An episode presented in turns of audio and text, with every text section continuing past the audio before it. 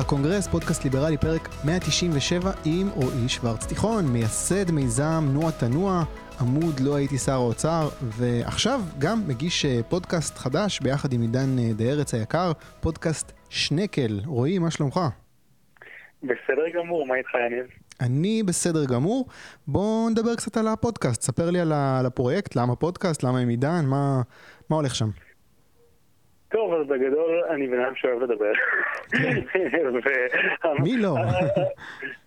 יש כאלה שלא, זה מאוד מפליא אותי, אתה יודע, זה מדהים נכון. לפעמים כמה אתה, אנשים יש בהם שונות, כאלה שרוצים להתחסן, כאלה שלא מתחסנים, וכדומה, וכאילו, אני, אני, אני בצד הקיצוני של אוהבים לדבר, ואני אוהב כלכלה ולעסוק בכלכלה וכותב על כלכלה כבר איזושהי תקופה, אז עוד לפני שהבנתי אי פעם לפודקאסט, ידעתי שיום אחד אני ארצה שיהיה לי פודקאסט, וככה, בין הכלכלנים והכותבים הליברליים אה, כבר יש כמה פודקאסטים טובים, או אנשים שהתחילו או זממו לעשות פודקאסטים, וככה, אה, מפה לשם אני חושב שאני ועידן פנינו אחד לשני לפני בערך שנה או משהו כזה, אני לא זוכר מי הציע למי, ואמרנו בואו נעשה משהו ביחד. וחשבנו על כל מיני רעיונות לשמות, תמיד מתחיל מיזמים מרעיונות לשמות. אה, עידן הציע את שנקל, שלדעתי שנקל זה שם גאוני, כי זה קצר, קליט, ארבע אותיות, אף אחד לא תפס אותו לשום דבר מהותי אחר בינתיים, שזה גם טוב. והתחלנו כזה לעשות אצלנו ניסויים כזה, אתה יודע, לראיין אנשים ביחד, לדבר עם עצמנו. גנזנו כמה פרקים, בין היתר פרק עם דורון נחמיה, אני חושב שהוא התארח גם בקונגרס, לא? אני חושב שכן. בהזדמנות, אבל מפה לשם התחלנו ואז איזשהו יום אחד דיברנו על חוק ההסדרים, ואמרנו שכמעט אף אחד לא מכיר את חוק ההסדרים. ואפילו אני בתור כלכלן שמתעסק בתחום ואוהב לקרוא כל דבר כלכלי, מעולם לא קראתי אותו. לקחנו איזו טיוטה של חוק ההסדרים ואמרנו בואו נדבר עליו, וזה איזשהו 215 עמודים, הטיוטה הנוכחית שאנחנו מסכימים בה, שהיא מיולי 2020. יכול להיות שיש אפילו טיוטה חדשה, אבל, אבל בינתיים הוא לא עבר, למרות שהוא היה אמור לעבור מזמן. אנחנו עכשיו במרץ 2021 למאזינים, ובגדול אנחנו עוברים שם פרק פרק, חוק ההסדרים בעצם מתייחס לכמעט כל נושא בכלכלה הישראלית. למי שלא מכיר ככה, חוק ההסדרים הוצא לראשונה ב-1985. טוב, רגע, רגע, רגע, אנחנו נכנסים יותר מדי, אנחנו כבר מתחילים לשחזר את הפרק שם, באופן כללי ככה. אז אני רוצה להגיד משהו, אני שמעתי את הפרק על החינוך, לא שמעתי את כל הפרקים של חוק ההסדרים, מודה. אתם בעצם נכנסים לעומק בנושא אחד ספציפי, נכון? זה הקטע. חוק ההסדרים יש בו בערך 20 נושאים שונים, כמה עשרות נושאים, אני לא יודע בדיוק, ואנחנו לוקחים כל פעם את הנושא, מדברים קצת על החוק עצמו, שבעצם מתאר את מה שצריך להשתנות לדעת נערי האוצר, בין אם אנחנו מסכימים איתם או לא, בתחום, או, או מישהו אחר, ואנחנו מדברים על אותו נושא ומרחיבים אותו, למשל החוק של החינוך, הפרק על החינוך זה פרק קיצוני, כי בחוק ההסדרים הוא חצי עמוד. טוב, עצרנו לרגע כי הסאונד לא היה כל כך טוב, ועכשיו זה, זה, זה, שמע טיפה מוזר, כי, כי שומעים כאילו יותר טוב, אבל שומעים uh, קצת שונה כשזה דרך הוואטסאפ. אוקיי, אז uh, uh, בואו נחזור לאיפה שהיינו רואי, דיברנו על הפודקאסט שלכם. Uh, אז... כן. אז דיברנו על בעצם הפרק של החינוך, שבעצם אנחנו לוקחים כל פעם אה, פרק בחוק ההסדרים, מדברים על השינויים שם ומדברים על התחום בכלליות, והפרק של החינוך הוא מצב קיצוני של אה, פרק בו בחוק ההסדרים הוא חצי עמוד, אבל מערכת החינוך הישראלית היא תחום עצום, שיש בה כל כך הרבה דברים שצריך לשפר, mm-hmm. וכל כך הרבה דברים שצריכים לטייב, mm-hmm. ו... אנחנו בעצם מדברים עליהם שם, אתה יודע, אני מניח שמאזינים אדוקים של הקונגרס כבר מכירים הרבה מהם, mm-hmm. כמו העניין של השכר של המורים שמתפלג בצורה זוועתית ומתגמל להגיע רק לאנשים שהם ממש ממש רחוקים מהאידאל שלנו במערכת החינוך, כן. כי בעצם השכר הממוצע מאוד גבוה, אבל mm-hmm. השכר המתחיל מאוד מאוד נמוך, כן, כן. למשל. Uh, כן, uh, אחלה, אחלה, אחלה נושאים, uh, אני מאוד ממליץ, uh, שנקל, בוא תן לי ככה מה בפרקים הבאים, יהיה לכם ראיון עם מירר ורלוזרוב, שזה משהו. או שזה מהפרקים הגנוזים? לא, את הרעיון אנחנו נשחרר, קצת איכות קול פחות טובה, אבל בשביל לראיין את מירב ארלוזרוב הכל שווה. כן. ובפרקים הבאים אני חושב שאנחנו עוסקים בבריאות, ואחר כך אנחנו עוסקים קצת בתחום של השירות לאומי, מודל הגיוס וכדומה, ועוד uh, יבואו פרקים בהמשך על חוק ההסדרים. נהדר. אה, אוקיי, אז אה, בהצלחה, פודקאסט שנקל עם עידן דה ארץ. עכשיו אני רוצה שנדבר על אה, נושא קצת הזוי, אבל אה, אני מודה שקרוב מאוד לליבי. דוקטור סוס, הספרים של דוקטור סוס, אה, אולי בגלל שיש לי ילדים, אבל התאהבתי מחדש ב... לא, התאהבתי נקודה, בחתול אה, תעלול וחתול תעלול חוזר. אה, הורים מכירים את הספרים האלה. לא קניתי בינתיים עוד ספרים, אבל התפלאתי מאוד לשמוע על ידיעה הזויה שבארצות הברית אה, הוצאת הספרים, שאחראית בעצם על הטיפול בקטלוג של דוקטור סוס, הם יש להם את ה... ירשו את הזכויות של הטיפול בקטלוג, החליטו להפסיק להדפיס, להעלים פשוט, שישה מתוך 36 הספרים שלו. בשל תכנים שמציגים קבוצות אוכלוסייה בצורה פוגענית, ספציפית מדובר בציור של אסייתים שאוכלים נודלס בצ'ופסטיקס, אתה יודע, תיאור כזה סטריאוטיפי, אה, ושחורים שמצוירים כפראיים עם אה, שפתיים גדולות. אין ספק שהיום האיורים האלה לא היו מצוירים ככה, זה definite אה, no go. אני אתחיל מהשורה התחתונה אגב, מבחינתי, בסך הכל כמה שזה מכעיס אותי, זכותם. אני מאמין בקניין רוחני, ובשביל מי שמקבל את ההנחה הזאת של קניין רוחני, הספרים שייכים למישהו, ואם הוא רוצה להעלים אותם, זכותו. Uh, having said that, זה די מדאיג אותי מה שקורה, כי אמנם הספרים שהוציאו זה לא הלעיתים הכי גדולים שלו, uh, זאת אומרת חתול תעלול עדיין בטוח, בינתיים. אני פשוט לא רואה סיבה למה בעתיד גם אותו לא יגנזו. Uh, נגיד בחתול תעלול ספציפית, uh, מי שמכיר את הספר, אז נגיד אפשר להגיד שהדמות של הבן שם היא מאוד דומיננטית, ההתייחסות uh, של, של האח לאחות uh, היא די סטריאוטיפית, מיושנת, אז למה לא לגנוז גם את זה? אני מאזין די קבוע לבן שפירו שהקדיש. כמעט פרק שלם לנושא הזה, הוא רואה. בעניין הזה חלק מתופעת ה-cancel culture, הריסה הדרגתית, אבל נחושה של יסודות התרבות המערבית לכאורה כדי לבנות משהו יותר טוב, הוא מחבר את זה למתקפה על הפסלים במהומות Black Lives Matter בקיץ הקודם, מתקפה לוושינגטון, לינקולן, ג'פרסון, הדמויות שלהם, הפסלים שלהם. אה, ואגב, כל מי ששומע את זה וחושב, לא, זה שטויות, זה, זה, זה, אתה יודע, זה, זה משהו איזוטרי של ספרי ילדים. אני קראתי ידיעה היום, שדיסני החליטו לגנוז אה, בקטלוג שלהם, בדיסני פלוס, החליטו להוריד את דמבו ופיטר פן וחתולים בצמרת, Aristocats, גם בשל אה, כל מיני אה, ייצוגים סטריאוטיפיים שיש שם. ובאמת, אני לא מכחיש שיש שם כמה דברים שהם לא כל כך בסדר, אבל באמת, אני חושב שזה כאילו, זאת מגמה מאוד מסוכנת, זה, זה, זה מתחיל בסרטי ילדים ובספרי ילדים.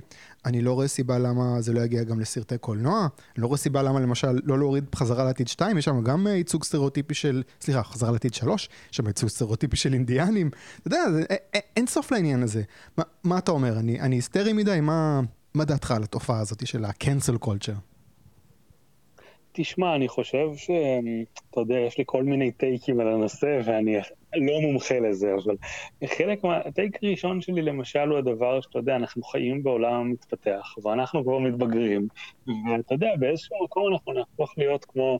הסבים שלנו, שהם רואים תופעות חדשות, ולהם זה מוזר, כי הם צמחו בעולם אבל כמה דברים השתנו בעשור האחרון, אתה יודע, אתה מסתכל לפעמים על סרטים מלפני 15 שנה לפעמים, ואתה רואה שם דברים שלא היו משודרים בחיים, במרחק של, לא יודע, קילומטרים מתנועת המיטו.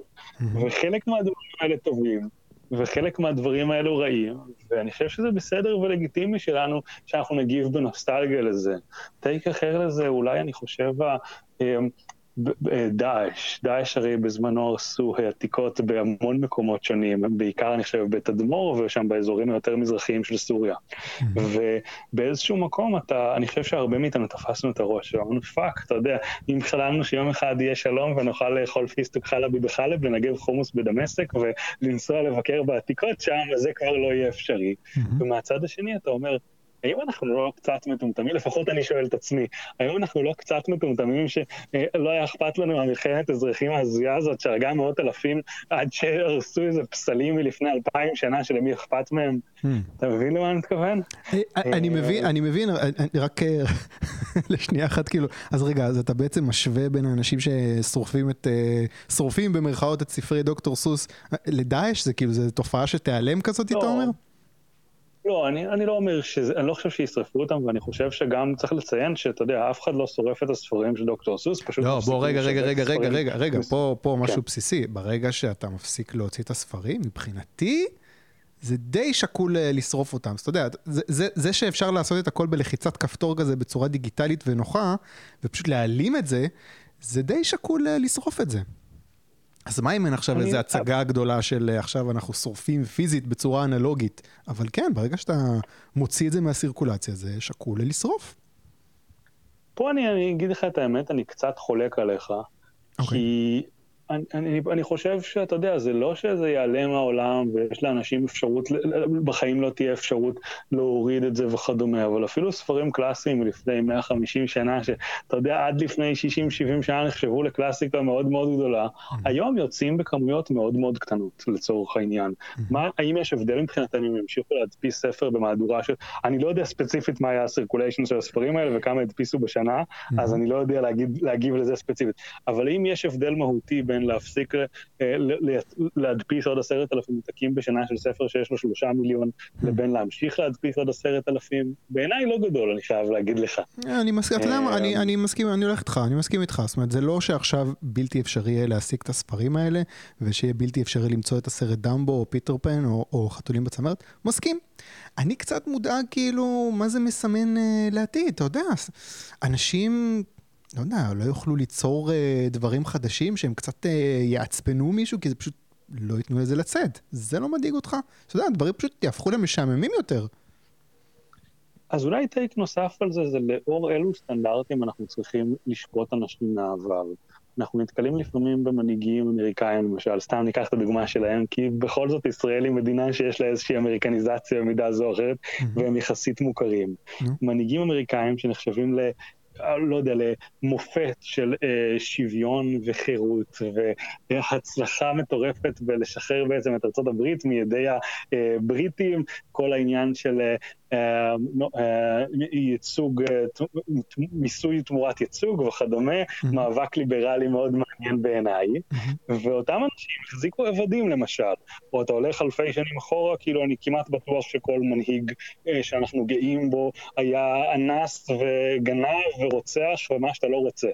כן, והאם כן. אנחנו צריכים זה... לשפוט אותם לפי הסטנדרטים של היום או של אז, אני... יש אנשים חכמים מאיתנו שעסקו בזה, אני בטוח. אני מבין מה אתה אומר, אבל, אבל יש פה איזה טריק. אתה כאילו לכאורה אה, אה, שופט אותם עכשיו על ה... זאת אומרת, אתה יודע, האנשים האלה, מה, מה שאני מכנה את ה-cancel culture, כאילו באים בשם. ה... אה, היה לך עבדים, אבל זה טריק. אתה בעצם, אתה בעצם, דרך המעשים הלא טובים שלהם, אה, מבטל איזה, איזשהו אידיאל ואיזשהו רעיון גדול וחשוב הרבה יותר שהם, אה, שהם ייצגו. זאת אומרת, אתה יודע, אנשים לא זוכרים את ג'פרסון בגלל שהוא היה סוחר עבדים, בגלל ש... סליחה, בגלל שהיו לו עבדים, זוכרים אותו כן. בגלל, למרות שהוא היה שהיו לו עבדים, אתה מבין? אז כאילו, דרך ה... דרך ה... מוצאים את הנקודות השחורות הקטנות של מי, ש... מי שנוח לך אה, אה, להפיל אותו בגלל שהוא מייצג איזשהו אידיאל, שבלי קשר אתה נגדו. בעצם כאילו, אתה, אתה מבין מה אני אומר? לא, אני מבין את מה שאתה אומר, אני... אני אומר שזה נושא מורכב, אתה יודע, תן לי נושא כלכלי לרוב, יש לי איזושהי דרך להכריע בו, אבל כן. פה, אני, אני חושב שאנחנו בסופו של דבר, לטוב ולרע, הולכים לעולם יותר טוב. חלק מהדברים, אתה יודע, לא, לא יהיו כמו שצריך בדרך, חלק מהדברים אנחנו נרצה שיחזרו אחורה גם בעוד עשרות שנים, אני, אבל אני... מהצד השני, כן. מהצד השני, נאום מפורסם של אובמה, אני חושב, היה, mm-hmm. אם אתה מכיר, שהוא דיבר על זה שיש לו שתי סבתות, ואחת לבנה ואחת uh, שחורה. Mm-hmm. וגם הסבתא הלבנה, כשהיא נכנסת למעלית עם מישהו שחור, אז uh, היא אוספת את התיק שלה טיפה ונצמדת טיפה לקיר וכדומה. וזה לא כי היא גזענית או משהו כזה, היא לא אהבה פחות כנראה את ברק אובמה בגלל שהוא uh, היה כהה, mm-hmm. אלא אלא פשוט זה סטריאוטיפים שקבועים בנו, ובאיזשהו מקום אני לא חושב שזה בהכרח רע שהם לא יהיו קבועים ב... אה, לא יודע, אחיינים שלי או משהו כזה. אני אוהב טוב. אבל אני, אני יודע שאני כאן ליברל מהאחרים שמאזינים אולי. זה בסדר, זה בסדר. לא, I won't hold it uh, against you, אני אוהב את, ה, את, ה, את האופטימיות. אני גם, uh, אני מודה, uh, בהתחלה כשכאילו התחלת לבסס את הטיעון שלך, גרמת לי כאילו גם להרגיש שאתה די, די זקן, כאילו פתאום אמרתי, כן וואלה, למי אכפת היום מדמבו ומפיטר פן ומכל הסרטים האלה שממש... אוקיי, לפני שאנחנו עוזבים את הנושא הזה ועוברים לדברים יותר כלכליים, אה, מה דעתך, העניין הזה יגיע לארץ? גם בארץ אנחנו נתחיל לראות, אה, או לא יודע, עוד כמה שנים זה יעלה מארצות הברית, נתחיל לראות פה, לא יודע, ניסיונות אולי אה, לצנזר את גבעת חלפון, אתה יודע, אפשר לחשוב על המון ייצוגים לא טובים שם שיש, ואולי שווה לבטל את זה, מה אתה אומר? לגנוז את זה, שזה לא יהיה טקס. אני קצת מרגיש שיש איזשהו פילטר מסוים בין הדברים שמגיעים אה, למעוזות המאוד פרוגרסיביים בארצות הברית לבין מה שמגיע לארץ. Mm-hmm. אני חושב שמגיעים אלינו חלק מדברים שהם יותר טובים וחלק מהדברים שהם פחות טובים אולי, אבל אני חושב שסך הכל הקיצוניות, ש... הדברים הקיצוניים שבקיצוניים עדיין לא הגיעו לישראל. אתה יודע, אני, אני, אני, לא, אני לא מכיר מספיק לעומק את כל הקלאסיקות התרבותיות הישראליות אפילו, אבל יכול להיות שזה יקרה למשהו בודד, אני לא חושב שכתופעה רחבה אנחנו נראה את זה יותר מדי. כן, אני חושב, לפחות. אני לא חושב גם שלישראלים יש, לא יודע, שפחות, טיפה פחות סבלנות לבולשיט כזה של כאילו, אתה יודע, עכשיו להעלים משהו שכולם מכירים ולא להתייחס לזה בפרופורציות, כן, אנחנו יודעים שיש שם דברים לא בסדר. אה, בוא נעבור נושא, אבל בוא נדבר על קורונה. אה, פחות על חיסונים ויותר על אה, תמריצים אה, למעט אנשים, אתה יודע, אנחנו מקליטים את זה כבר כשזה נראה ש, שלא יהיה סגר ו, ו, ו, והכל בדרך להיעלם, אבל בכל זאת יש עדיין כמה אנשים ש, שחולים, כמה אנשים שצריכים להיות בבידוד, אז נגיד אמרו לך שאתה צריך להיכנס לבידוד לעשרה ימים. או שיש סגר נגיד, אז דרך אחת לאכוף דברים כאלה זה שוטרים שעוצרים אנשים ובודקים האם הם מפרים הנחיות או לא. אה, אבל לך היה רעיון אחר, איך לעודד אנשים להישמע להנחיות. מה הרעיון? אה, אני אתחיל רגע מהסוף. בעצם הקורונה, אני חושב, זו שאלה של, um, זה משחק אסטרטגי של שיתוף פעולה בין שחקנים מרובים. Uh, אתה יודע, הדילמה הקלאסית שמדברים עליה זה דילמת ההסדר, למשל. אבל כל מדע הכלכלה בעצם עוסק ביחסים חברתיים עם השלכות בין קבוצות שונות או אנשים שונים. ויש לנו כלים מאוד מעניינים לנתח את זה ולעשות איזשהו alignment, להתאים תמריצים בין אנשים שונים. Mm-hmm. אני חושב ש... ואתה יודע, יש בעיית הטרמפיסט ועניין של מוצרים ציבוריים, ויש המון המון התייחסות לזה במדע הכלכלה, ש... התחושה שלי לפחות, ואני חושב שזו תחושה של די רבים, שאם כולנו היינו שומעים להנחיות במשך חודש, כבר לא הייתה פה קורונה, mm-hmm. אבל בגלל שבמקרים רבים הזנב מקשקש בכלב, עדיין יש לנו קורונה במדינת ישראל, mm-hmm. וזה חבל. אי אפשר, לבנות, אי אפשר שלא... לבנות על הרצון הטוב של אנשים, אז uh, צריך לחשוב על uh, תמריצים אחרים. אני, אני לא חושב שיש הרבה אנשים שבפני עצמם הם חושבים שהם כאילו... אני, אני אגיד לך, אני מהאנשים שיותר uh, נזהרו בתקופה הזאת. אני בכנות חושב שאני האדם היחיד שאני מכיר שלא עבר על שום מגבלה של הקורונה קלה שבקשות. Mm-hmm. לא, לא, לא, לא נפגש עם אף אחד בביתו כשהיה אסור וכדומה. Mm-hmm. ו- אבל, ו- ואני לא מכיר עוד בן אדם שעשה את זה למיטב היכרותי, בטוח יש עוד כאלה, כן? Mm-hmm. אבל גם אנשים שהם אזרחים שומרי חוק בשגרה. ואני קצת מרגיש אבל שהיה דרכים לעשות, ואני אני, אני חושב שהאזרח הממוצע בטוח שהוא תורם למלחמה. אני חושב שכל מי שאני מכיר שלא עבר, שעבר על החוק, יש לו איזושהי הצדקה, כן, אבל עשיתי את זה ממש בקטנה, כן, אבל עשיתי את זה במשהו שהחוק לא היה חשוב. לכולם יש תירוצים. כן, אבל עשיתי... כן, אבל עשיתי את זה באיזשהו משהו שלא יכולתי בלעדיו, ולא יודע, אף אחד לא לקח בחשבון את ההשלכות הרגשיות שלי, שלא להיפגש עם הבן אדם הזה. כן, אבל תן להם, אבל... תן להם, תן להם קנס אה, אה, אם הם יעשו את זה, ותראה איך אה, פתאום התירוצים האלה לא כאלה חשובים. שמע, אני עדיין לא הולך למסעדות, למרות שבתקופה שאנחנו מקליטים כבר אפשר, אבל באתי לקחת טייק אווי מאיזה מקום, mm-hmm. מקום שמקריא את השם שלך ברגע שאתה לוקח אותו, ופשוט נדהמתי איך כל העובדים של המקום, כל פעם לפני שמתחילים לדבר, מורידים את המסכה, וכתמריץ לא כזה מפריע לי אם היו נותנים כדור בראש לשניים הראשונים שעושים את זה במדינה, ולאחר מכן זה היה מפסיק. כי הרי זה, זה בדיוק הפוך מהמטרה של המסכה. המסכה אמורה להגן כשאנחנו מדברים, וזה... לא, אני פשוט לא מסוגל להבין איך אנשים לא הבינו את זה עד כה. אוקיי, אני מסתייג מהכדור בראש, אבל בוא בכל זאת ננסה איזשהו רעיון, איזשהו רעיון קונקרטי, איזשהו רעיון קונקרטי באמת. איך, איך, איך... בוא נדבר שנייה על... כן. כן. אז, אז, אז ממש, לא, אני, אני, אני חייב להגיד אבל שבאמת, לדעתי להוריד מסכה במש, באקט שהוא בניגוד למטרה שלה, זה, זה דבר חמור בעיניי, אני חייב להגיד את זה. אבל שנייה נחזור ל... יש שלושה סוגים של מקומות, שאם היינו מכניסים לשם תמריץ טוב, אז בעיניי אה, זה לא היה דבר, אה, יכלנו לשנות משמעותית את מהלך המגפה עוד קודם. Mm-hmm. נתחיל רגע אולי ממקטע החיסונים. אחת הבעיות סביב מקטע החיסונים זה שצעירים המחלה מזיקה להם משמעותית פחות מאשר לאנשים מבוגרים. היום מדברים על זה לדעתי של 65 פלוס, אם אני לא טועה, אחד משבעה אנשים נפטר מהמחלה במקרה שהוא חולה בה, אם אני לא טועה, יכול להיות שאני מתבלבל, אה. אה, ולעומת זאת צעירים אחוזים אפסיים, 0.00, משהו אחוז נפטרים ממנו. כן. מה שגרם לזה שגם לאחר ששחררו את החיסונים לכלל האוכלוסייה, צעירים עדיין ממעטים להתחסן. היום בקרב גילאי 16 עד 19 בערך 50 אחוז התחסנו, 20 אה, עד 29 בערך 60 אחוז התחסנו. יש לציין שיש איזה אחוז מסוים של כאלה שחלו ולכן לא צריכים להתחסן, אבל הוא סביב ה-10 אחוז, לעומת גילאים מבוגרים שאתה מגיע לאזור ה-90 אחוז התחסנו. אמ, ואני אחד וזה בדיוק מצב בחברה בו יש לך אי שוויון בין התמריצים. בעצם הצעירים יכולים לדבק ולהדביק, אה, לעומת האנשים מבוגרים. כן, כי כאילו הם לא יכולים לחלות יותר מדי, ומי שהם ידביקו לא בהכרח הסבא האישי שלהם, אלא סבא של מישהו אחר למשל. כן. אה, ואני לא, לא חושב שאנשים רעים, אבל אני חושב שהם פחות אכפתיים מכמה שאולי צריך להיות. כן. ולצורך העניין, כמו, כמו שאתה, אני כמו, חושב... כמו שאתה זהיר עם הכסף של עצמך, ככה אתה גם זהיר עם הסבא שלך, ופחות עם סבא של אחרים. בדיוק, וכאן נניח זה אירוע שבאמצעות לתת למישהו אה, אפשר לפתור את זה על ידי תמריץ כלכלי ולאזן את, ה, את התמריצים. למשל, לתת לאנשים אה, כסף ברגע שהם התחסנו, נניח המנגנון הכי פשוט חשבתי עליו, לקחת, אה, להכפיל את ההפרש בין הגיל שלך ל-100, לצורך העניין, אם אתה גיל 80 זה יוצא 20, אם אתה אה, בגיל אה, אה, 60 זה יוצא 40, אתה בגיל 20 זה יוצא 80, להכפיל את הפער הזה בין הגיל שלך ל-100 ו-10 שקלים ולתת למי שמתחסן בחיסון השני את הסכום הזה. לצורך העניין לתת לבני 20 800, לתת לבני 60 400 ולתת, ובני 80 בעיקר מגנים על עצמם, לתת להם 200.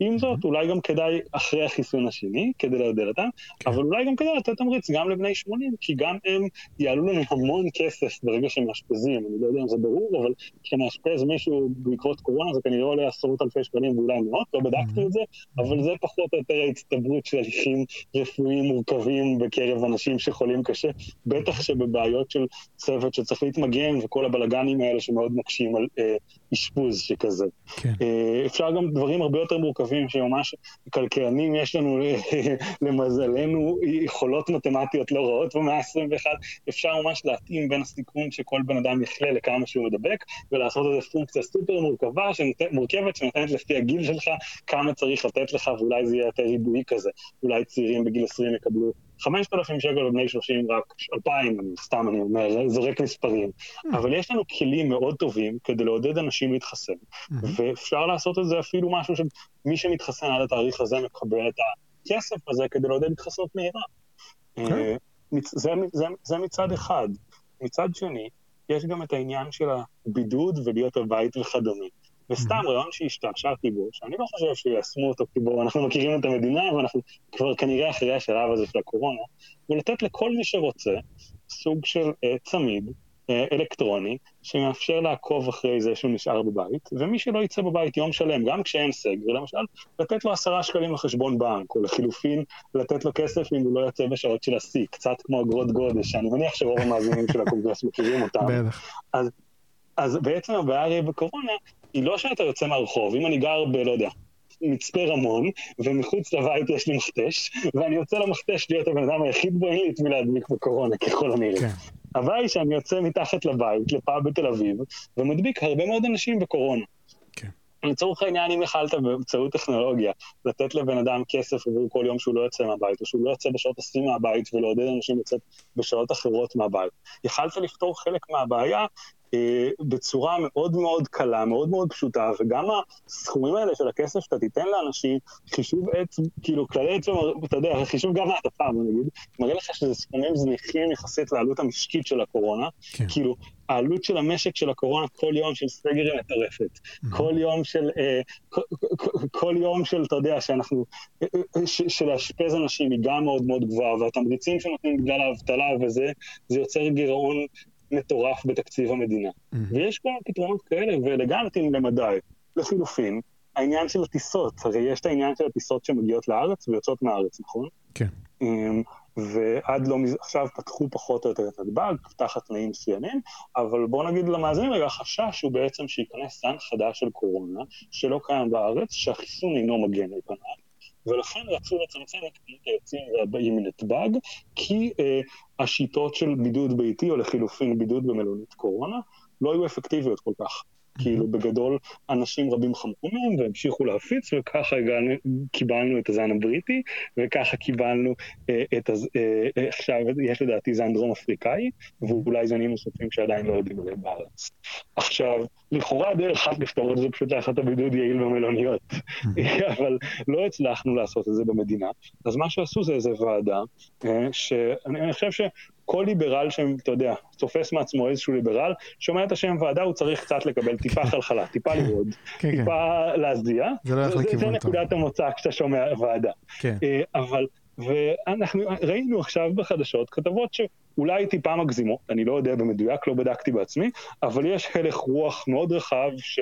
אה, עם ראיות לא רעות בעיניי, שמראה שחרדים נכנסים ויוצאים מהארץ בשיעורי יתר ביחס לשיעור שלהם במדינת ישראל, ככל הנראה עקב חברי כנסת שעוזרים להם לעשות את זה ומשפיעים על הוועדה.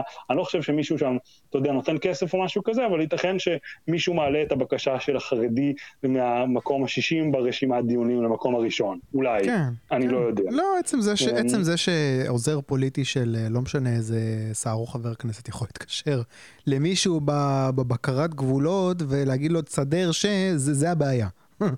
זה הבעיה. לא מי זה ספציפית. לזה יש, אני מסכים, וגם לזה יש לנו איזשהו פתרון טוב לדעתי מבחינה כלכלית. אני מודה שהוא לא אידיאלי, וחשוב להגיד, בקורונה או בכל מגפה או כזה, אין לנו פתרונות אידיאליים. כשאתה מתחיל מלחמה, אין פתרונות אידיאליים, יש כן. לבחור בין האלטרנטיבה הכי פחות טובה. Mm-hmm. ואני חושב שאולי במקום זאת, לעשות מכרז על כמות האנשים שיכולים להיכנס לארץ ולצאת מהארץ ביום, ופשוט לייקר מאוד את המחירים, זה, זה אולי דרך יותר טובה. עכשיו, אני מודע לזה שיכול להיות בן אדם שאימו חולה מאוד באיטליה, הוא רוצה להיפרד ממנה, והפרוטה אינה מצויה בכיסו.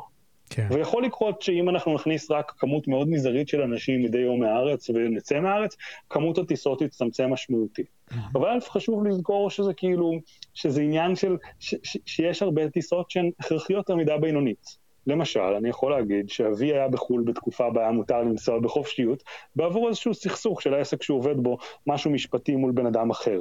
היית מעלה את המחיר לנסיעה לחו"ל וכמה מאות או אלפי דולרים, ייתכן שהסכסוך יכל להמתין ואין פותרים אותו במרחוק, למשל.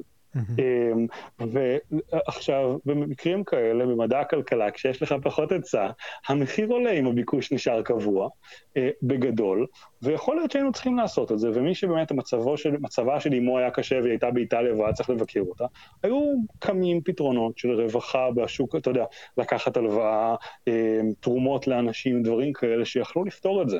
כן, כן. עכשיו שוב, לא, אין, אין חלופות אין... אידיאליות. זו לא חלופה אידיאלית, הייתי שמח שכאילו כל אחד יוכל לקצץ ולהיכנס מהמדינה.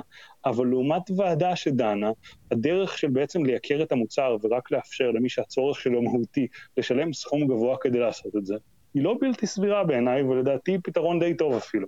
כן, נכון. אם למישהו זה מאוד מאוד חשוב לנסוע עכשיו לחו"ל. אה, לא חסרים באמת הסיפורים הקשים האלה, אז כן, אז הוא ישלם את הקצת אה, מעבר כדי אה, לעשות את זה.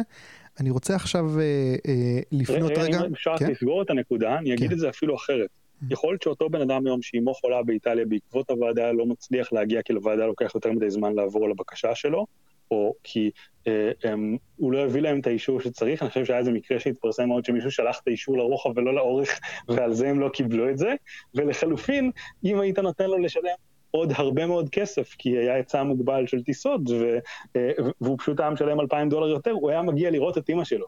כן. אז זה לא רק שאתה יודע, רע לאנשים שיש להם פחות אמצעים, לפעמים זה הרבה יותר טוב להם, גם מחיר גבוה יותר. כן, כן, נקודה ברורה, אני מסכים איתך. אה, אני רוצה לדבר עכשיו על משהו טיפה פחות אה, עניין אה, כלכלי ויותר איזשהו עניין של ויכוח על, על זכויות. כל העניין של המגפה הכניס קצת כאוס בקהילה הליברלית בכל הנוגע לעניין הזה של כיבוד זכויות הפרט. זכויות הפרט זה הרי נר לרגלו של כל ליברל, אבל כשזה מגיע למגפה יש בעיה. כי מצד אחד, אתה לא תכפה עליי כן להיכנס לקניון, לא להיכנס לקניון, כן לפתוח חנות, לא לפתוח חנות. מצד שני, אפשר לטעון גם שבן אדם שחולה, שמממש את הזכויות הלגיטימיות שלו בשגרה, כשאין מגפה, אז באה המגפה. עצם הנוכחות שלו היא פגיעה בבן אדם שעומד לידו. זה משהו שדיברתי עליו כבר עם אורחים קודמים, אבל אני תמיד סקרן לעוד נקודת מבט בעניין הזה. מה העיקרון שצריך להנחות אה, ממשל צודק, אני אגיד, בזמן מגיפה, בשאיפה? אנחנו שומרים על זכויות הפרט, או שהכי חשוב, אה, בריאות הציבור, גם בריאות, גם לשמור על הביטחון של אה, בן אדם, זה גם אה, זכות מאוד חשובה, אה, זה התפקיד של הממשלה לדעתי, אז אה, אה, בריאות הציבור קודם, אה, ואם צריך, אפשר לפגוע בחופש התנועה, חופש העיסוק, בעצם, בעצם אין איזה שהן מגבלות על, על, על הממשלה שבאה עכשיו לדאוג לבריאות הציבור.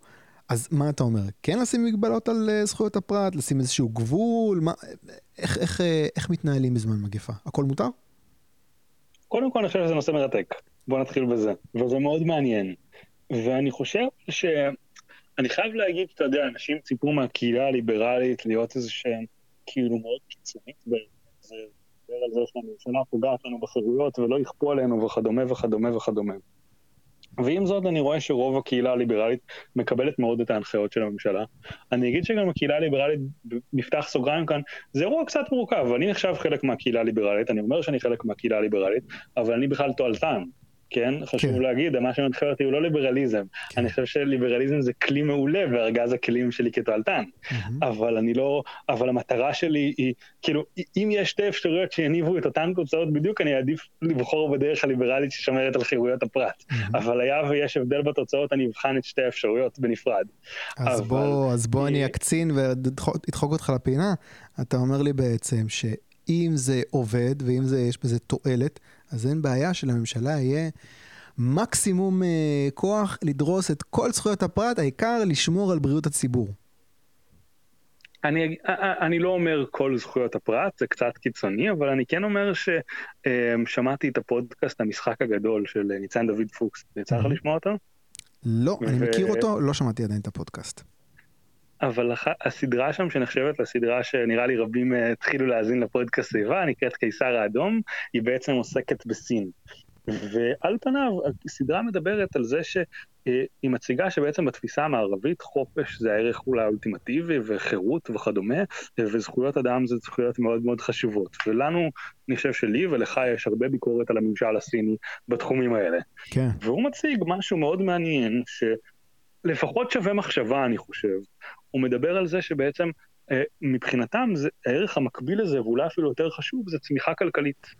ומבחינתם הם חושבים שכרגע יש יתרון לממשל הריכוזי בסין בתחומים מסוימים כדי לעודד צמיחה כלכלית עצומה במדינה.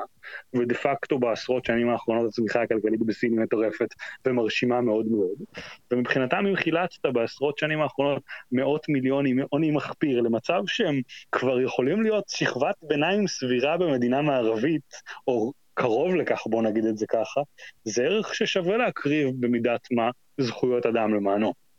אמ, וחירויות פרט. אני לא בטוח, אתה יודע, זו תמיד שאלה של עד לאיזה מקום אתה לוקח את זה. כן, ואני לא כן, בטוח שאני ואני ואתה כן, ממוקמים באותו מקום כמו הממשל הסיני. כן, לא, לא, לא, אפשר, אפשר, מבט שכי... מהר מאוד אפשר להגיע, לזה, זה, זה, זה קצת אה, פופוליסטי להגיד, אבל מהר מאוד זה יכול להגיע גם בעצם אה, לעשות קציר איברים של המתנגדים של המשטר, זה בעצם אה, טוב לטובת החברה. זה גם משהו שאפשר... אני מסכים, וגם זו סוג של ביקורת על תועלתנות שתמיד צוחקים על תועלתנים, וגם לזה אפשר לענות על... יש תשובה טובה לדעתי בתור תועלתנים, אבל, אבל בגדול... זה, זה דרך להסתכל על זה, ואני חושב, באופן אישי אני חושב שדווקא מדינת שומר הלילה, כפי שהיא אמורה להגן עלינו מפני איומים ביטחוניים. גם איום של מגפה, אנחנו לא מדברים על זה, כי זה לא דבר שהעסיק אותנו יותר מדי בניינטיז ובתחילת שנות האלפיים או עד עכשיו, אבל גם זה מקום שלמדינה uh, יש יתרונות בהם. That being said, כמו כל ליברל, אני תמיד אעדיף החלטה שמתקבלת בוועד הבית על פני החלטה שמתקבלת בשכונה, על פני החלטה שמתקבלת בעיר, על פני החלטה שמתקבלת במדינה. והיה והיה לנו רשויות אה, שלטוניות מקומיות יותר חזקות, הייתי שמח שמרבית ההגבלות יהיו בידיהן ומרבית השליטה תהיה בידיהן. הבעיה היא שאנחנו נזרקנו לתוך מגפה שכזאתי, במצב בו השלטון המקומי בישראל מאוד מאוד חלש, וכרגע להעביר לו סמכויות חדשות זה דבר מסוכן. אגב, אני, אני, אני, אני תופס טרמפ רגע על מה שהזכרת את הרשויות המקומיות.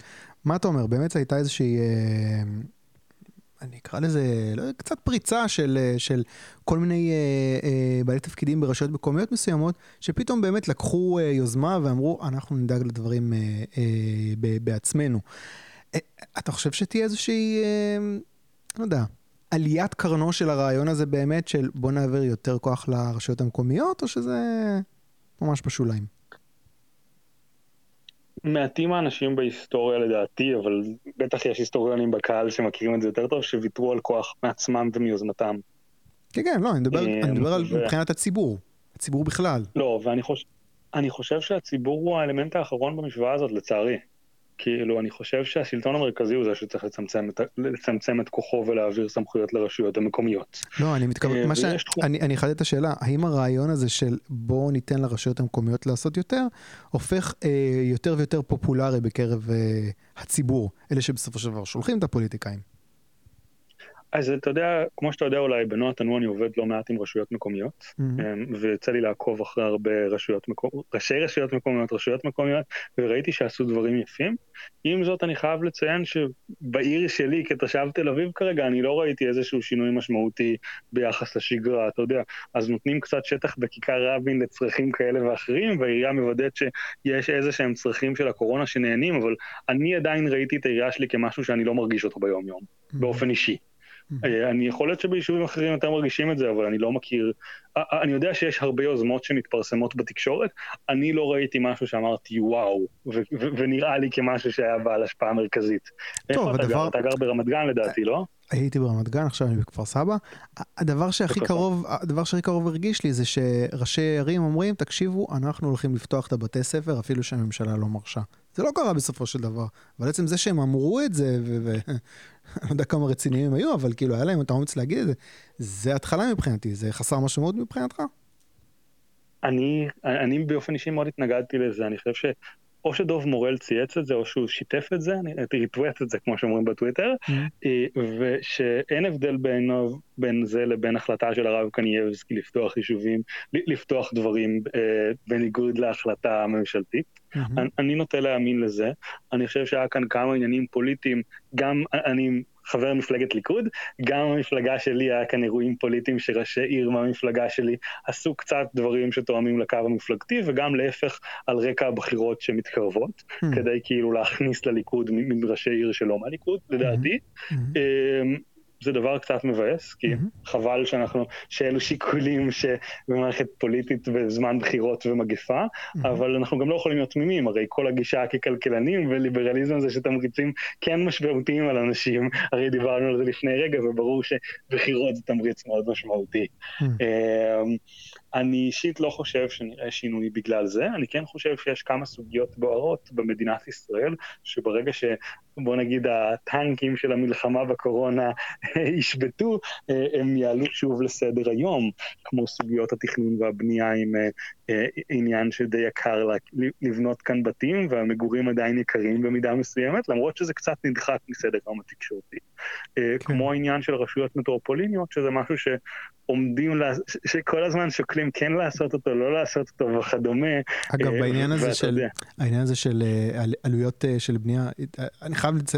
לציין, היה פרק נהדר בעושים אה, כלכלה, בפודקאסט של עומר מואב ועטילה שומפלבי, דיברו רק על העניין הזה של אה, בנייה, של כל הבעיות, ש... איך פותרים את אה, מחירי הדיור היקרים, אז באמת נכנסים שם לעומק לעניין הזה, אני ממליץ. לדעתי עושים חשבון רק, אני חושב, לא עושים... נכון, עושים, לא חש... עושים, עושים חשבון, נכון מאוד. אני אשים קישור לפרק הזה. בסדר שנעבור לנושא האחרון, לפני המלצות תרבות? בטח, בשמחה. יאללה, אז בואו נדבר עכשיו על מצע. של שתי מפלגות עיקריות שלהערכתי מתחרות על הקול הליברלי, מלבד, אני חייב להגיד, לא מדברים על זה מספיק, מלבד מפלגת עצמנו של גלעד אלפר. אה, אני מדבר על מפלגות אה, תקווה חדשה של אה, גדעון סער ושרן השכל, וימינה של בנט ושקד. רפררתי במצע המפלגות, הרושם שלי היה שימינה יותר מגויסים לרפורמות ליברליות עם התוכנית סינגפור שלהם, הם רוצים להוריד מיסים, להקפיא הוצאות אה, ממשלה. אני אוהב את הרעיון, מאוד אוהב את הרעיון שלהם להוריד את גיל הפטור של חרדים אה, בצבא מ-24 ל-21. תקווה חדשה, יש להם רעיונות מעניינים בנושא חינוך, ביזור סמכויות למטה יותר לרשויות מקומיות זה אחלה, אבל הם גם רוצים להלאים את החינוך לגיל הרך, שזה ביג נו נו בשבילי. Uh, אתה גם עברת על מצע שתי מפלגות, מה הרושם שלך אם אתה משווה ביניהן?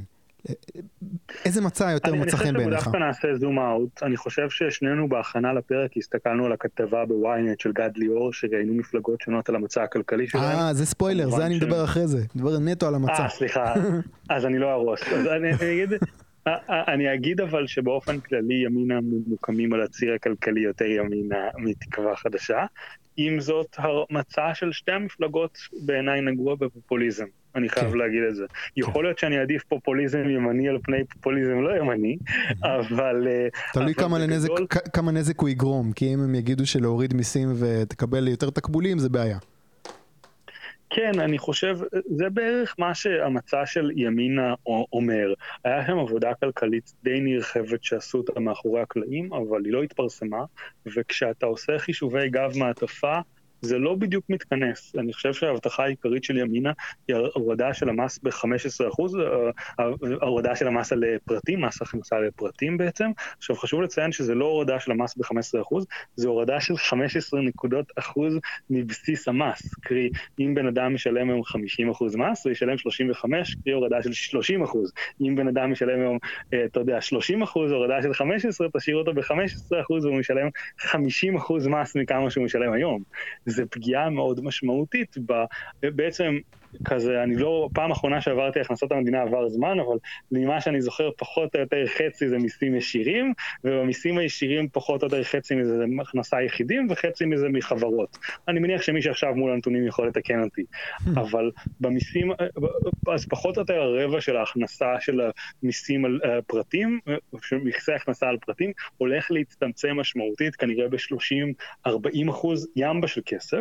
מנגד הם גם מבטיחים להוריד את מס החברות, שהוא בעצם החצי השני בהכנסות אה, ישירות ממיסוי ישיר של המדינה, אה, וגם אותו הם מציעים להוריד בטירוף באופן חד, mm-hmm. אני הכי בעד להוריד מס חברות, אם יש משהו שצריך להוריד מס חברות, אולי בין הראשונים לעשות את זה. וצריך, אבל צריך לעשות את זה לדעתי באופן קצת יותר הדרגתי. ויש שם כל מיני דברים שלא מתכנסים, למשל הטענה של, אה, לא, הם טוענים שבעצם לא יגדילו את תקציב המדינה בשנים הבאות. או, זה, זה הסעיף הכי חשוב. כן, אבל זה, אי אפשר להגיד את זה, כי א', יש התחייבויות למדינה להגדיל את התקציב מבעוד מועד הסכמים שהם סגרו. ב', נניח והשכר הממוצע במשק יעלה ב-10-15 אחוז, מה אתם חושבים, בתוך שלוש שנים, מה אתם חושבים שארגוני עובדים לא ידפקו על השולחן ויגידו תעלו לנו את המשכורת?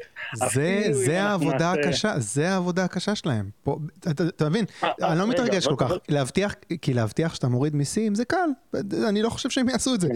אבל, וגם אם יעשו את זה, לא יהיה להם באמת אה, התנגדות. אבל אם הם יקיימו את העניין הזה של אשכרה, עזוב להקפיא את כל התקציב, אני מבין מה שאתה אומר, אבל את העניין הזה באמת של, לא, אין עכשיו העלאות של uh, שכר. אם את זה הם יצליחו לעשות, מבחינתי היה שווה. אני, אני חושב אבל שהעלאת שכר בפני עצמה היא לא דבר שכליברלים אנחנו צריכים להתנגד אליו. אנחנו צריכים להתנגד לזה שהשכר לא מבטא את התועלת השולית של בן אדם במגזר הפרטי, והסיבה שהוא לא מבטא את זה בגלל הכוח יתר שיש לארגוני העובדים במדינת ישראל. הרי המשוואה הבסיסית בכלכלה זה ששכר שווה לתועלת השולית של הפרט. בגדול. יש לנו בעיה קשה מזה בתחום של המגזר הציבורי בישראל, אבל היה והם בונים על צמיחה בתקציב, על צמיחה בתל"ג, אה, בתמ"ג, והם בונים על צמיחה בתמ"ג. אני רוצה שגם המורים ירוויחו ממנו, אני רוצה שזה ילך לפי אלמנטים של איכות ומצוינות, ולא לפי אלמנטים של ותק, כמובן. אבל עוד שלוש שנים יש את הצמיחה שהם אומרים בתמ"ג, אני רוצה שגם המשכורת של המורים תעלה. אני לא רוצה שהיא תעלה בשיעור יתר כי הכוח שלהם בלתי פרופורציונלי. אתה מבין למה אני מתכוון? Mm-hmm. וההנחה בעצם שה... אמ, וההנחה שהתקציב לא יעלה בכלל, בעיניי היא לא מאוד ריאלית, ואני חושב שזה קצת כזה... אני אגיד אחרת, יש לי איזה חבר שלא מזמן ציין באיזה קבוצת וואטסאפ שיש כל מיני אה, טכנולוגיות של עוד 30 שנה. מה זה טכנולוגיות של עוד 30 שנה? כל מיני דברים שאנחנו כאנשים יודעים שיקרו מתישהו, הטכנולוגיה לא מתקרבת לזה, אין לנו מושג איזה פריצות דרך צריך כדי שזה יקרה, אבל אנחנו אומרים שבטח עוד 30 שנה ייפתרו הבעיות כזה עד אז. עוד 30 שנה יהיה ממשק מוח מכונה, עוד 30 שנה נלך, נוכל להתיישב במאדים, עוד 30 שנה יהיה ככה וככה. ואני חושב שבמידה מסוימת התיאוריה הכלכלית של ימינה זה שאם אנחנו נעלים אחוז בהכנסות, נעלים אחוז בהוצאות, לא, לא נראה את הגרפים שיסתדרו, עוד 30 שנה יהיה בסדר כזה, פחות או יותר. אוקיי. Okay. זה, זה לדעתי. אוקיי. Okay. תקווה חדשה, מנגד, מצ, מציעה מצע הרבה יותר שמרני בתחום, פחות ליברלי. אין שם שום התחייבות לאיזשהו... לאיזה שהם קריטריונים ברורים או נקיטה במספרים. עכשיו, יש כאן שתי גישות. אחת הגישות אומרת שעדיף לי מישהו שיגיד מספרים לא ריאליים ודפוקים לגמרי, אבל שפשוט, ש- שאני אדע מה המספרים שלו, על כן. פני מישהו שלא אומר כלום. אה, ותקווה חדשה בנושא הזה לא אומרים כלום. מהצד השני, יש שם כמה כיוונים מאוד חיוביים. אה, למשל, אני חייב להגיד ש... אה, שאתה יודע, מפלגות מדברות על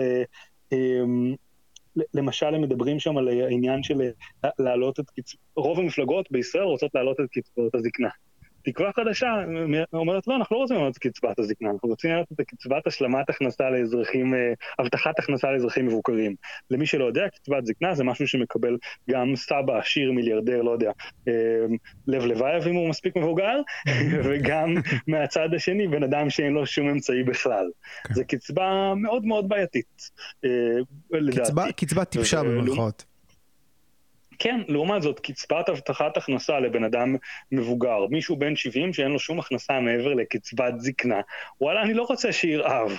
וזה סכום מאוד מאוד נמוך לתת בשביל אנשים שזה בשבילם עולם ומלואו, וזה לא כזה דבר רע. אז יש הרבה נגיעות חיוביות במצע של תקווה חדשה, אבל גם שם יש דברים לבקר. למשל, הם מציעים כדי לשפר את מערכת החינוך, לעשות תנאי מינימום של תואר שני אה, למורים כדי שהם יתחילו הוראה, לעסוק בהוראה. לעניות דעתי, ושוב, אני לא איזה מומחה גדול לתחום ההוראה, אבל מספיק שהבעיה היא בתנאי כניסה, אפשר לעשות 7,000 הכשרות למורים, אבל אם אנשים שייכנסו לתחום ההוראה הם לא אנשים שאנחנו רוצים שיהיו בתחום ההוראה, אז סתם לעשות להם עוד שנתיים או שנה של תואר שני זה עינוי בדרך לזה שהם יהיו מורים, וזה לא ישפר את האיכות שלהם בכלל. כן, אה, זה לא ש... אני יודע, זה גם, זה גם לא שיש עכשיו, אתה יודע, מיליון, עשרות אלפי מורים שהם מתדפקים על שערי משרד החינוך, תנו לנו ללמד, שאפשר לברור עכשיו את האלה שיש לנו תואר שני. אז בגדול יש להם הררים של מלל בסעיף החינוך. אני חושב שיש להם עניין של פוליטיקה פנים-מפלגתית, שדוקטור שאשא ביטון, מה שמאוד חשוב לה זה תחום החינוך, הבטיחו לה להיות שרת החינוך בממשלה בראשות גדעון סער, והיא מובילה את המצע החינוך של המפלגה, כפי ששרן שמאוד יקרה לנו מובילה את המצע אה, בתחום של הלגליזציה היום, וצעירים של המפלגה, ויש שם באמת הררים של מלל, ומתוך האלפי מילים שיש שם בתחום החינוך, כשכלכלן ציני וקר לב, שכמוני מגיע לשם, הוא רואה סעיף אחד שזה להעלות השכר של המורים, והוא יודע שזה הדבר שהכי משמעותי, וכל הרפורמות האחרות די חסרות משמעות. Hmm. כאילו יש קצת טובות, קצת רעות, אבל אתה יודע, זה כזה... בואו נחזור שנייה אחורה, כל מפלגה במדינת ישראל, שים בצד את ההבטחה שלה, אנחנו רוצים שהיא תהיה מנהלת טובה. בגדול, גם מפלגה עם, עם המדיניות הכי טיפשה, אם היא יודעת לנהל יותר טוב ולהוציא יותר טוב מכל אחד מהחברות הממשלתיות ומשרדי הממשלה, ולעשות להם דיגיטציה, ולדאוג שאנחנו נחכה פחות בתור, ולדאוג לייעל תהליכים, ושהמשרדים ידעו לעבוד אחת עם השנייה, יהיה כאן קדמה, לא משנה כמה המצע שלהם נוראי מבחינה, מבחינה כלכלית. אז כשאתה בוחר מפלגה, אתה צריך גם לתת את הדעת למצע שלהם ולרעיונות שלהם וכדומה, אבל גם בסופו של דבר, אתה בעיניי לפחות בוחר מנהלים. ואתה יודע... מאיפה אני יודע עכשיו מי מנהל יותר טוב עכשיו? מאיפה אתה יודע מי יקיים את המצע שלו? מאיפה אתה יודע משהו? זה מאוד אה, קשה. אני לא יודע, אתה צודק. אה, בגלל זה אמרתי בסופו של דבר, שורה תחתונה. אם, אם עכשיו, אה, שיומיים לפני הבחירות, בני גנץ חותם על תקנות של שקיפות בהסתדרות, אני מצביע לו, לא אכפת לי שום דבר. לא אכפת לי שהוא ימנה את אלון שוסטר לשר האוצר. אם הוא חותם על זה, אני מצביע לו. כי רקורד, זה מה שחשוב, אחד... רקורד, רק רקורד. מה עשית כבר? עזוב הבטחות, עזוב דיבורים. מה עשית כבר? אז שמעתי כמה אנשים שאומרים את זה, שיצביעו לגנץ אם הוא יעביר את התקנות של השקיפות באגודות העות'מאניות. זה קצת בגלל ייאוש, זה קצת בגלל אה, ייאוש. לא, אני מבין, כן. אני, אני מבין, אני מבין את זה, ואני גם חייב להגיד שלתת תמריץ לאיזושהי מפלגה לקראת בחירות לעשות מהלך שאנחנו רוצים באמצעות הקול שלנו, זה תמריץ מדהים ומעולה. Mm-hmm. That being said, חשוב לדבר על זה אה, בפורום, בפורום של הקהילה הליברלית, שתקנות השקיפות באגודות עות'מאניות זה קרב שאנחנו יוצאים עליו כי הוא קרב מאוד קל תדמיתית. בגדול. הרי שקיפות זה משהו שכולם אוהבים את הימין, והשמאל, גם את הימין וגם את השמאל. אתה תמצא מעט מאוד שמאלנים שיש להם דרך להגן על החוסר שקיפות באגודות העות'מאניות, כדרך בה הם יכולים להיאבק בנוגשי העבדים של השלטון המרכזי שרוצים להעסיק את העובדים המסכנים של נמל אשדוד ולדעת כמה כסף יש בהסתדרות. אז אתה, יש בגדול קופת הסתדרות למצבים של שביתה, וזה הולך להיות חסוי, וכאילו כמה שתעשה שקיפות בהסתדרות זה חסוי, אבל כל שאר הדברים מאוד קשה למצוא איזושהי הצדקה אליהם, אלא אם כן אתה באמת קומבינטור מתוך ההסתדרות שרוצה שהכל שם יהיה מוסתר. That being said, הסתדרות כללית היא גוף שיש פה, לא יודע, את, הגו, את, ההנהגה, את הכנסת הקטנה שלו, בינה לדעתי, אם נקראים, אם אני לא טועה, כן. של איזה מאה איש, יש שם אופוזיציה וקואליציה, ויש שם כל כך הרבה גורמים, שאתה לא תמצא, אה, יש שם מלא שחיתויות, אבל אתה לא תמצא איזה משהו עצום, שאם פחות, מחר בבוקר התקציב שלהם יראה את השמש האור, אז פתאום כולנו נראה כמה הם ארגון גרוע. אנחנו פחות או יותר יודעים מה קורה שם, יש הדלפות פה ושם, הם אומנם חסויים ממני, ממך כ- כציבור כללי, אבל מס הכנסה זה מגיע אליו, ואני לא מצפה שאתה יודע, לפחות בהסתדרות שזה גוף מאוד גדול, אני לא מצפה שנמצא שם איזשהו שומן מטורף שנוכל לראות בדוחות הכספיים, וכאן, ואפילו אם זה ייחשף בדוחות הכספיים, מאוד קל להסתיר דברים בדוחות כספיים פומביים מאוד. אז כאילו, זה מאבק שאנחנו הולכים אליו כי הוא קל. כמו שזה זה, זה, זה כלי לגיטימי מאוד באקטיביזם, אבל אני לא רוצה שאנשים, אתה יודע, יצפו שלאחר מכן, אה, אתה יודע, אתה תלך ברחוב ודברים יזמרו סביבך ואתה תרגיש כמו באיזה סרט מצויר כזה. כן, ברור. לא, יהיו עוד קצת כתבות uh, תחקיר מעיינות uh, על כל מיני uh, פיקנטריות של דברים שההסתדרות עושה. אני מסכים, זה, זה לא המהפכה. אוקיי, כן. בסדר, אז אם אנחנו מסכמים עכשיו, אם אתה, אז אתה אומר לי בעצם שתקווה חדשה, טיפה פחות ליברליים אבל יותר זהירים, וימינה אולי טיפה יותר ליברליים אבל גם טיפה יותר פופוליסטיים. זה השורה התחתונה? אני חושב, לשתיהן יש את הפייר שייר של הפופוליזם שלהם, כן? כן. בגדול. אה, אני מניח שבסופו של דבר אתה לא תמצא איזשהו בן אדם ימני שמצביע לתקווה חדשה למרות שהוא מאמין לבנט, כי מבחינתו המצע שלהם עדיף, או הפוך, כאילו לצורך העניין. אני מניח שזה בסוף ילך לפי עמידת אמון וחיבור שלך למנהיגים וכדומה, אה, וגם הסט שיקולים הליברלי, הליברלי הוא רק חלק מסט שיקולים, אתה יודע, ביטחוני, אה, חופש דת וכדומה, שהוא רלוונטי באירועים האלה. אוקיי, עכשיו אני רוצה באמת אה, אה, להכניס את העניין הזה שהזכרת קודם, אה, לציין לטובה את ynet, שעשו מבחן שאלה זהה בין כל המפלגות, הציגו מספר שאלות בנושאים כלכליים מכל המפלגות, אמנם שאלות מוטות לכיוון האג'נדה הרצויה לדעת הכתב, אבל עדיין שאלות בנושאי מדיניות כלכלית במקום בנושאים פרסונליים, לדעתי זה שינוי מבורך. אה, כמה מפלגות בחרו לא לענות, כמו הליכוד, ישראל ביתנו והציונות הדתית, אבל ימינה, תקווה חדשה, מרץ, העבודה, כחול לבן, יש עתיד, וגם המפלגה של ירון זליכה ענו. אז אם אתם רוצים לשמוע את התשובה המאכזבת של יאיר לפיד לאיך הוא מתכנן לצמצם את הגירעון, אה, ספוילר הוא לא, אה, כנסו לקישור שאני אשים בדף אה, פייסבוק של הפודקאסט. רועי, הספקת לעבור על ההשוואה בין המפלגות שם? הייתה, הייתה מפלגה שהפתיעה אותך או אכזבה אותך? אני חושב שזה מאוד מדהים, בעיניי לפחות, לראות כמה הציר המדיני והציר הכלכלי די התאחדו סביב מרבית הנושאים. איכשהו קורה שמפלגה היא ימנית מדינית. בוא, בוא אני לא חושב שבנט לפני עשר שנים חשב, אה, אני לא, לא יודע, אני לא רוצה סתם שאני לא חושב שהוא חשב שהוא ימני כלכלית מאוד. זה לא היה באג'נדה שלו לדעתי בפעמים הראשונות שהוא רץ. Mm-hmm. אני חושב שזה קרה עם הזמן, ועם זאת אתה רואה באופן ברור שבה, אה, שברוב השאלות שם הוא עונה הכי ימינה, בעוד כן. שמרץ עונה הכי שמאלה, וכפי שאחרי בנט מגיע תקווה חדשה קצת יותר ימינה מהשאר, אז אחרי מרץ מגיעה עבודה קצת יותר שמאלה מהשאר. אה, וזה ממש מדהים איך יש הסתדרות כזאת בציר המד... הכלכלי מול הציר המדיני. קצת מאכזב. מפלגה אחת שהיא יוצאת דופן. יוצאת דופן, ש"ס, היא גם ענתה לה, מעניין, כי על פניו רגע, רגע, שנייה, שנייה, איבדתי אותך לרגע, אתה יכול פעם לחזור על ש"ס? כן. בטח. אני אומר שיש מפלגה אחת שחריגה ביחס לציר המדיני מול הציר הכלכלי, ש"ס נמצאת בציר המדיני די ימינה, אה, כחלק מהיותה בממשלה, יכול להיות שהיא גם יכולה להתאים לממשלה, לממשלת שמאל ולהיות שם מתאימה, אבל בשנים האחרונות דה פקטו היא חלק מממשלת ימין, וככל הנראה הבוחרים שלה מעדיפים ב, אה, את ביבי נתניהו כראש הממשלה, כי כידוע ביבי צריך אריה חזק, ולעומת זאת בציר הכלכלי, מאוד מאוד שמאל באופן יחסי. כן. אה, הייתי ממקם אותם שמאלה מיש עתיד ומכחול לבן, אני חושב, פחות או יותר. מעבר לזה, יש עוד כמה אה, דברים שהיו שם מעניינים. למשל, אחת השאלות של הכתב זה מה תעשה עם קצבאות ילדים. עכשיו, ראית שכאילו כולן הביאו פחות או יותר אה, אה, מנטרלי פצצות כדי לענות לשאלה הזאת, פחות או יותר. כולן התחמקו מלענות איזשהו משהו על קצבאות ילדים, פרט לש"ס, שאמרו שקצבאות ילדים זה חשוב. בגדול. כן. או למשל, עוד תחום שהיה קצת שונה, זה שהתחום הביטחוני בעצם שם את המפלגות הימין כלכלי, ואת המפלגות השמאל כלכלי בסיטואציה קצת שונה. אף אחד לא אמר קיצוץ חד למיטב זיכרוני, אבל כן ראית שדווקא השמאל הכלכלי נוטה לייעל ול, ולבדוק את הצרכים וכדומה, והמפלגות האחרות בתקציב ביטחון מבחן לקמוס, אני חושב, לימניותיהן, או משהו כזה.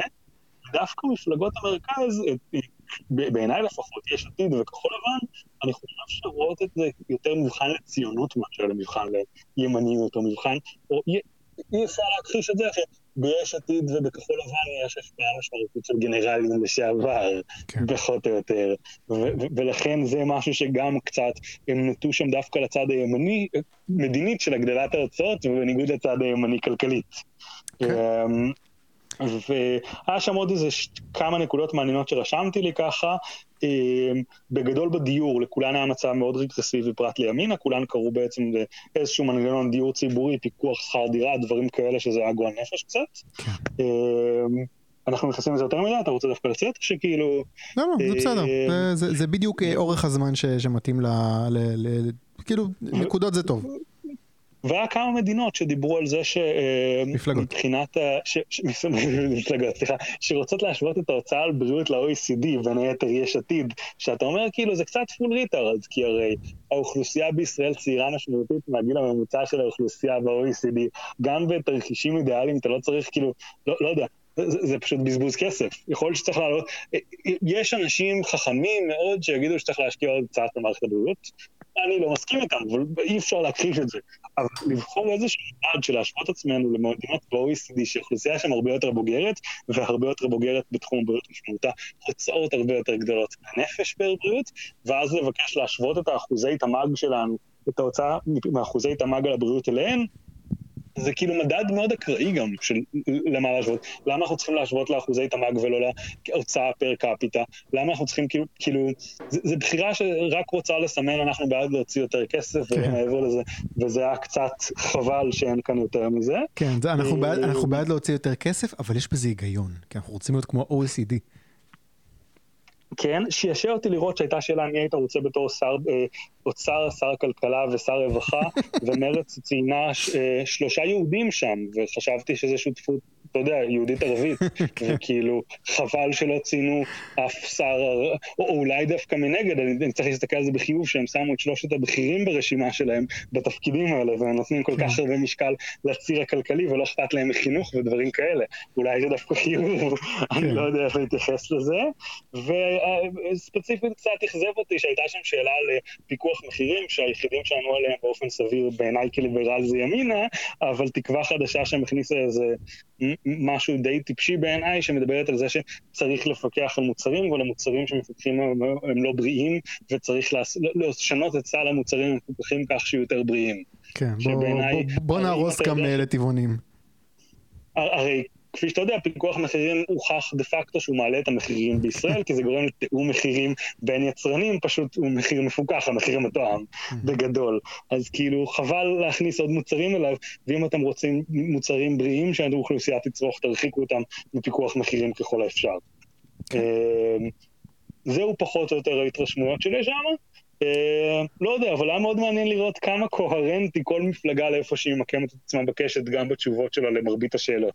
זה היה מרתק בעיניי. כן, אני אשים uh, קישור, עוד פעם, כל הכבוד ל-ynet ולגד ליאור. Uh, אני לא יודע אם הייתי בוחר באותן שאלות בדיוק, הייתי בוחר בשאלות אחרות קצת, אבל עדיין יפה שעושים השוואה, מנסים לעשות השוואה נטו בנושאים של אה, מדיניות uh, כלכלית. דבר אחרון, uh, רועי, המלצת תרבות, ספר, סרט, פודקאסט, אירוע שאתה רוצה להמליץ עליו. יוצאים מהסגר, אולי יש איזה אירועים שאתה רוצה להמליץ עליהם. אם לא חשבת על משהו עדיין, קח דקה ותן לי להמליץ על משהו מאוד פשוט בנטפליקס, המופע של דייב שאפל בנטפליקס, תוכנית שהייתה לו ב-2003 ב Comedy Central בכלל. לי לא יצא לראות את זה בזמן אמת, ועכשיו נטפליקס מעלים את זה מחדש, מאוד מצחיק, הרבה מערכונים, קצת סטנדאפ מול קהל, The Dave Chappelle Show בנטפליקס. מה ההמלצה שלך, רועי? אז ההמלצה שלי היא על הארי פוטר והשיטה הרציונלית. Okay. אוקיי. זה ספר בעצם, שמעת עליו? אני חושב שזה מוכר לי. אז אני בדקתי לוודא שלא המלצתי על זה בפעם האחרונה שהייתי, לדעתי אז המלצתי על פודקאסט, אה, אבל הארי פוטר והשיטה הרציונלית זה בעצם ספר שנכתב בהתחלה כאוסף של פרקים, בעצם fan fiction, fan fiction זה משהו שמעריצים כותבים על איזשהו ספר שהם אוהבים, בין אם אה, ספר אלטרנטיבי או המשך לספר או עלילה שקדמה לספר, אבל בתוך העולם של הספר, ומה שקרה זה שאדם בשם אליעזר יודקובסקי, שאני חושב פילוסוף של רציונליות, חלק יכנו אותו, אני לא יודע איך הוא קורא לעצמו היום, אבל פשוט התחיל לעשות כמעין אה, בדיחה כזאת, איזשהו פרק פה, פרק שם, פרקים בודדים של אה, ספר שהוא הארי פוטר אלטרנטיבי שפותר כל מיני בעיות, בה הארי פוטר גדל במשפחה של מדענים, אה, במקום לגדול אצל ורנון ופטוניה, הוא גדל אצל פטוניה ופרופסור אה, מייקל ורס אבנס, אם אני לא טועה, אה, במשפחה שעקרונות המדע היו בעצם הלחם והחמאה שלה, והמטרה שלהם הייתה ליישב, אה, אה, ואז הוא... פחות או יותר מגיע לבית ספר הוגוורטס,